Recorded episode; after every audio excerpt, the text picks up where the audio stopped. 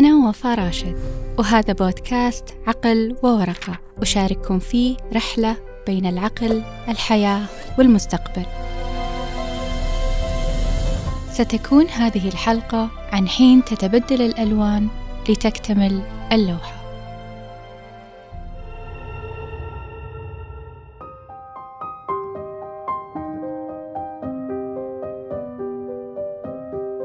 ومن وقتها لم يعد شيء كما كان. هل شعرت بذلك في مرحلة من حياتك؟ هذه اللحظة حين تتغير عوالم كثيرة بنا بحياتنا بما حولنا. ونردد هذه الجملة.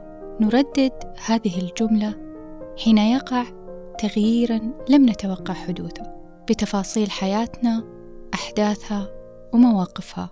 نردد هذه الجملة بعد أن نقرر أن نحدث بأنفسنا التغيير بقرار بخطوة بموقف ولكن حين يردد العالم نفسه العصر نفسه الحالة نفسها هذه الجملة هل ننصت؟ هل نستعد؟ هل نفهم؟ هل نتجاهل؟ هل نغضب؟ هل نغمض أعيننا؟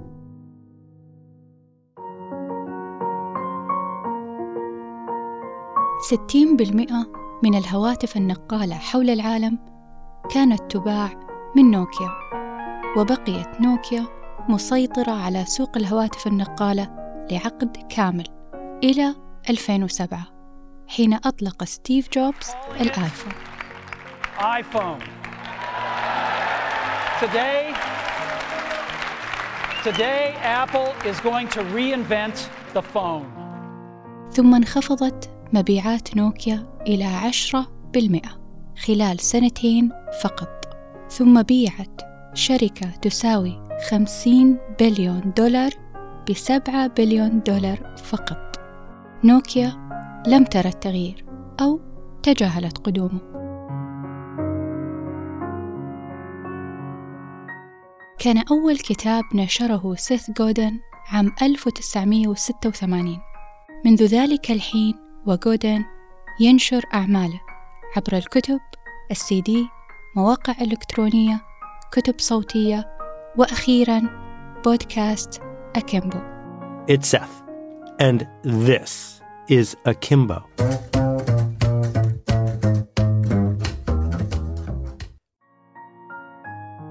والذي يعد الآن ضمن الأكثر استماعًا. سيث جودن تمسك بالرسالة للوسيلة. سيث جودن رقص مع التغيير.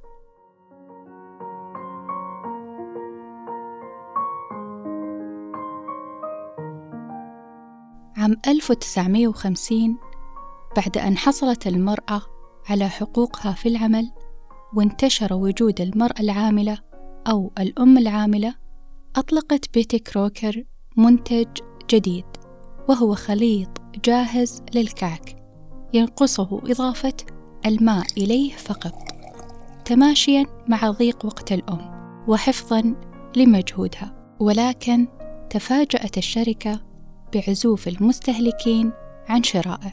وبعد البحث والاستعانة ببعض علماء النفس وجدوا أن ذلك يرفع نسبة تأنيب الضمير لدى الأمهات بعدم تقديم شيء من صنعهم لأطفالهم. حينها أطلقت بيتي كروكر شعار آدن إيج أو أضف بيضة حيث أخرجت البيضة من خليط الكعك الجاهز لتضيفها الأم بيدها بالإضافة للماء مما أدى إلى ارتفاع نسبة المبيعات واعتماد المنتج إلى اليوم. أحيانا تغيير بسيط يرسم نهاية مختلفة للقصة. بيتي كروكر تقبلت الحاجة للتغيير. وللمرة الثانية وفهمت مصدرها.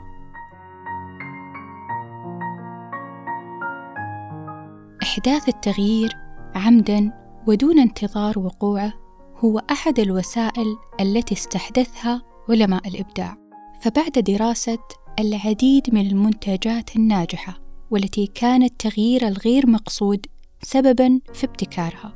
تساءلوا ماذا لو أحدثنا تغييرا مقصودا؟ بهدف ابتكار خدمة أو منتج جديد. فاستحدثوا لذلك عدة طرق.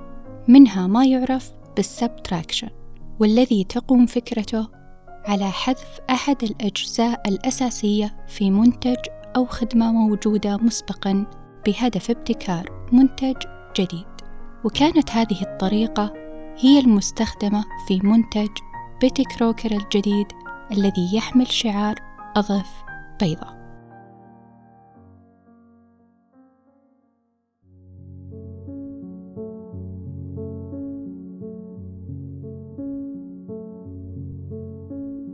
حياتنا مشمولة بالتغيير بل أن الثابت الوحيد بالحياة هو المتغير تظن بأن زمنا يبقى ولكنه يتغير لعصر قد تواجه صعوبة في فهم ملامحه تظن بأن عتمة استمريت بالسير فيها عمرا بأنها لن تنجلي ولكنها حتما ستستبدل بالنور. تظن أن علاقة ملئت بتضحياتك بأنها أبدية ولكنها تنتهي. تستمر الحياة بالتغيير وأنت تتغير. تغيرها وتغيرك وتبقى المفارقة باختيارك لموقفك أمام التغيير. ثباتك وإصرارك بعدم إدخاله لذاتك أو حياتك هو اعتراف مبطن باعتزالك الحياة. هو المكوث بركن قصي يبعد كثيرا عن زهو الحياة. ركن حضر أي قدم تغيير أن تطأه ليجعل الرتابة تنهشه.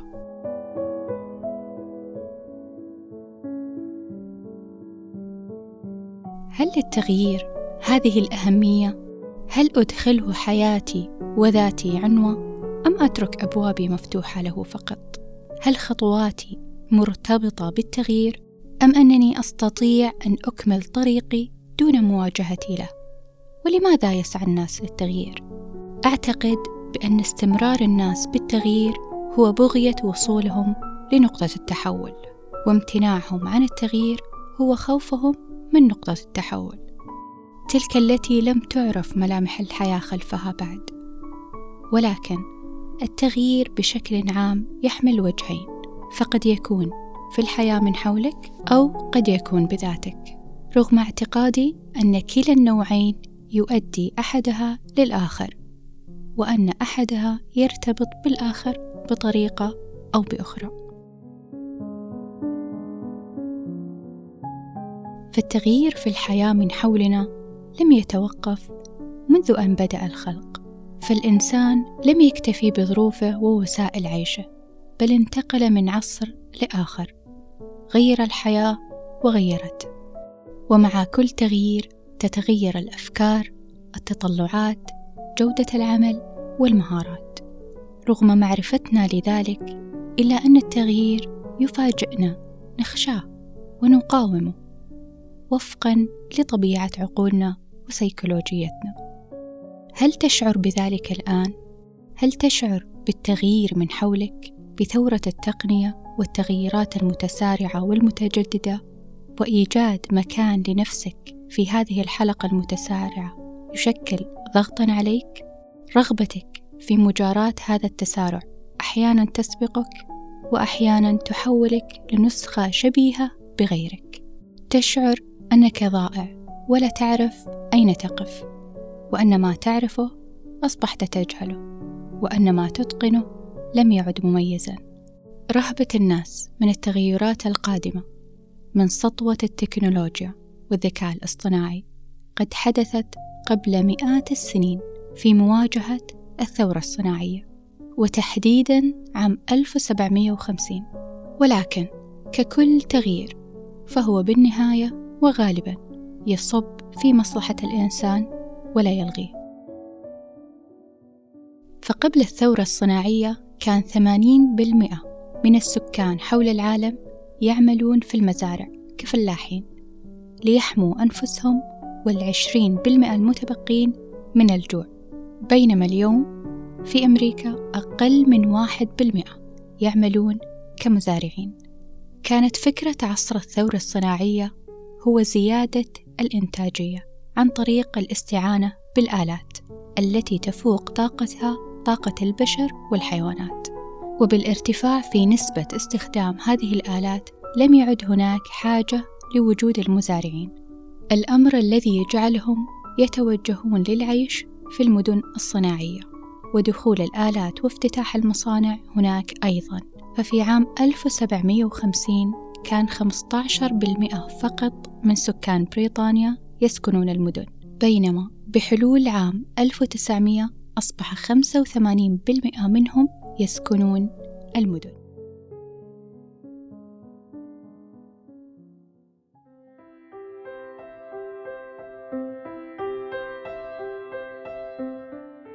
ولكن رغم الإيجابيات الكثيرة في التغيير وانتقال الإنسان من عصر لآخر أكثر تطورًا، إلا أننا قد نلتصق بالماضي وأحيانًا دون أن نعرف الأسباب.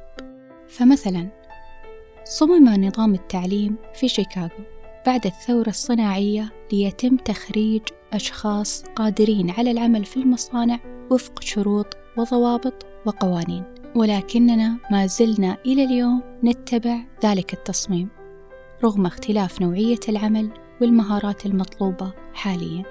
نحن نلتصق بالماضي وبما اعتدنا عليه ليس فقط في الظواهر الكبيرة والمؤثرة بل في أبسط التفاصيل. فمثلا المسافة بين عجلات القطار منذ أن تم اختراعه إلى أحدث قطار ذو سرعة عالية اليوم هو أربع أقدام ثمانية ونص إنش. وهي ذاتها المسافة بين عجلات العربة المثبتة في الأحصنة التي كانت تستخدم في الإمبراطورية الرومانية.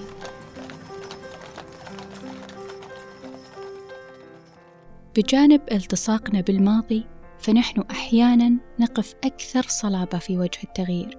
الأمر الذي يجعلنا نفقد مرونتنا في تقبله والسير معه.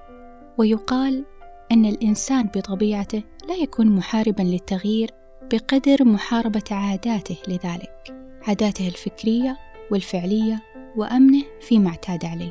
ولكن هناك عوامل تساعدنا أن نكون أكثر صلابة وتمنعنا من اتخاذ أول خطوة باتجاه المختلف.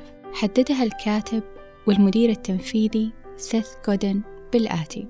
واحد مقياسك الذي تحدده. فتغيير شركة كبرى لسياستها لتماشي العصر أكثر صلابة من شركة أخرى ناشئة فهل حجم شركتك يجعل قراراتك بالتغيير أكثر صلابة؟ أو عمرك مثلا فهل عمرك يمنعك من أن تكون أكثر مرونة؟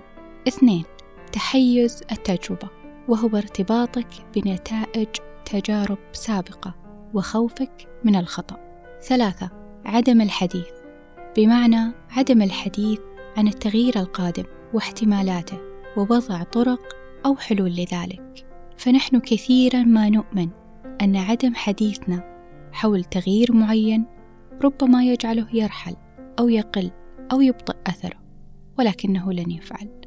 أربعة وعيك تجاه التغيير هل ستتجاهله وترفضه هل ستصارعه وتصر على عدم تقبله هل ستوقف حياتك من أجله؟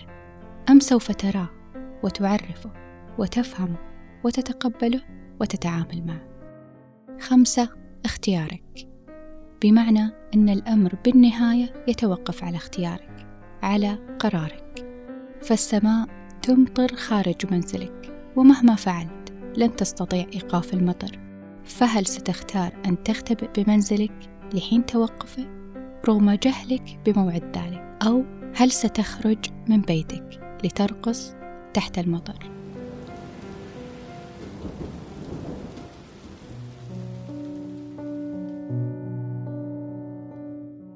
أيا كان التغيير فمنبعه الإنسان بدايته هي أنت. فلماذا نجتهد ونبادر لنغير أو لنتغير؟ نحن نتغير ونغير لنصبح أفضل وليكون ما حولنا بصورة أفضل. ولكن لماذا نريد ذلك؟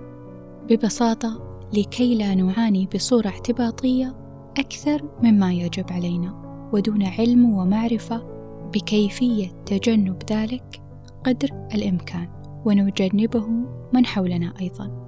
وللبدء بذلك عليك أن تريد أن تقرر ثم رتب نفسك أفكارك مشاعرك وحياتك ترتيبك الفوضى فيك وحولك ستجعلك ترى بوضوح ما الذي بحاجة لتغيير وكما يقول العديد من المفكرين ابدأ بترتيب غرفتك So imagine you're dealing with someone who's hoarding.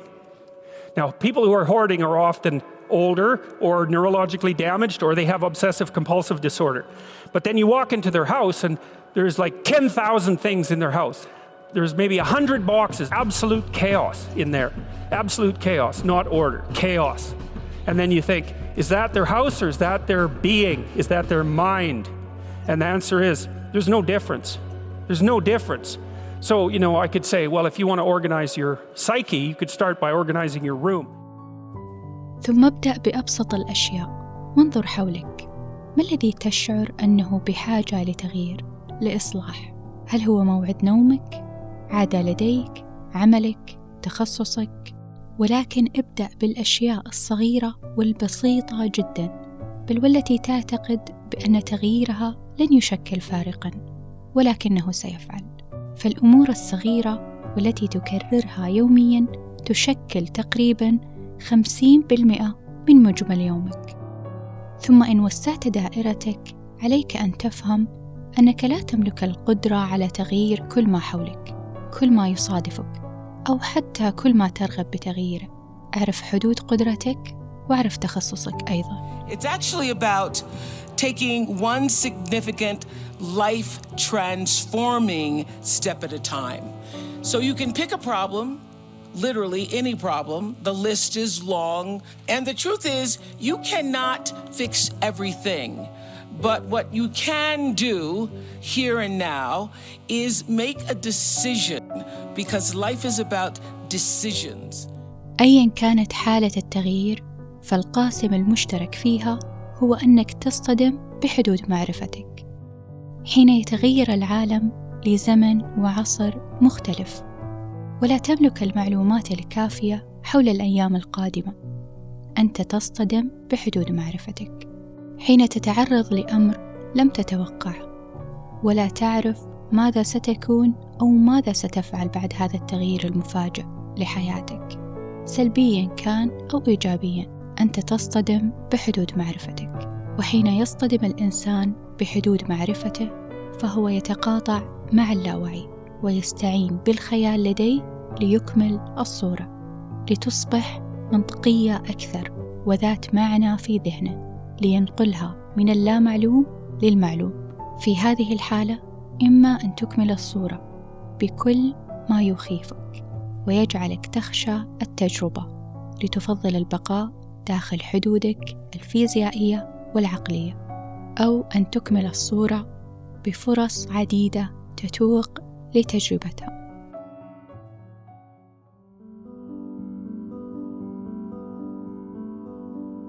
وفي الختام التغيير قد يكون في الحياة من حولك تنبؤك واستعدادك له أو صلابتك أمامه واعتراضك قد يغير مكان وقوفك القادم. التغيير قد يكون خسارة لم تتوقعها أو فقد أثقل قلبك مطالبتك برجوعه أو مضيك قدما قد يغير مكان وقوفك القادم. التغيير قد يكون خطوة واحدة تفصلك عن اتخاذ قرار التغيير لحياة لعمل لبداية لمحاولة أو حتى لنهاية. خوفك من المجهول أو شجاعتك على الإقدام قد يغير مكان وقوفك القادم أو ربما مكان وقوف غيرك. فقد يكون لكلمة منك قفزة في حياة أحدهم. قد تكون مساعدة منك مفتاحا لباب قد أوصد.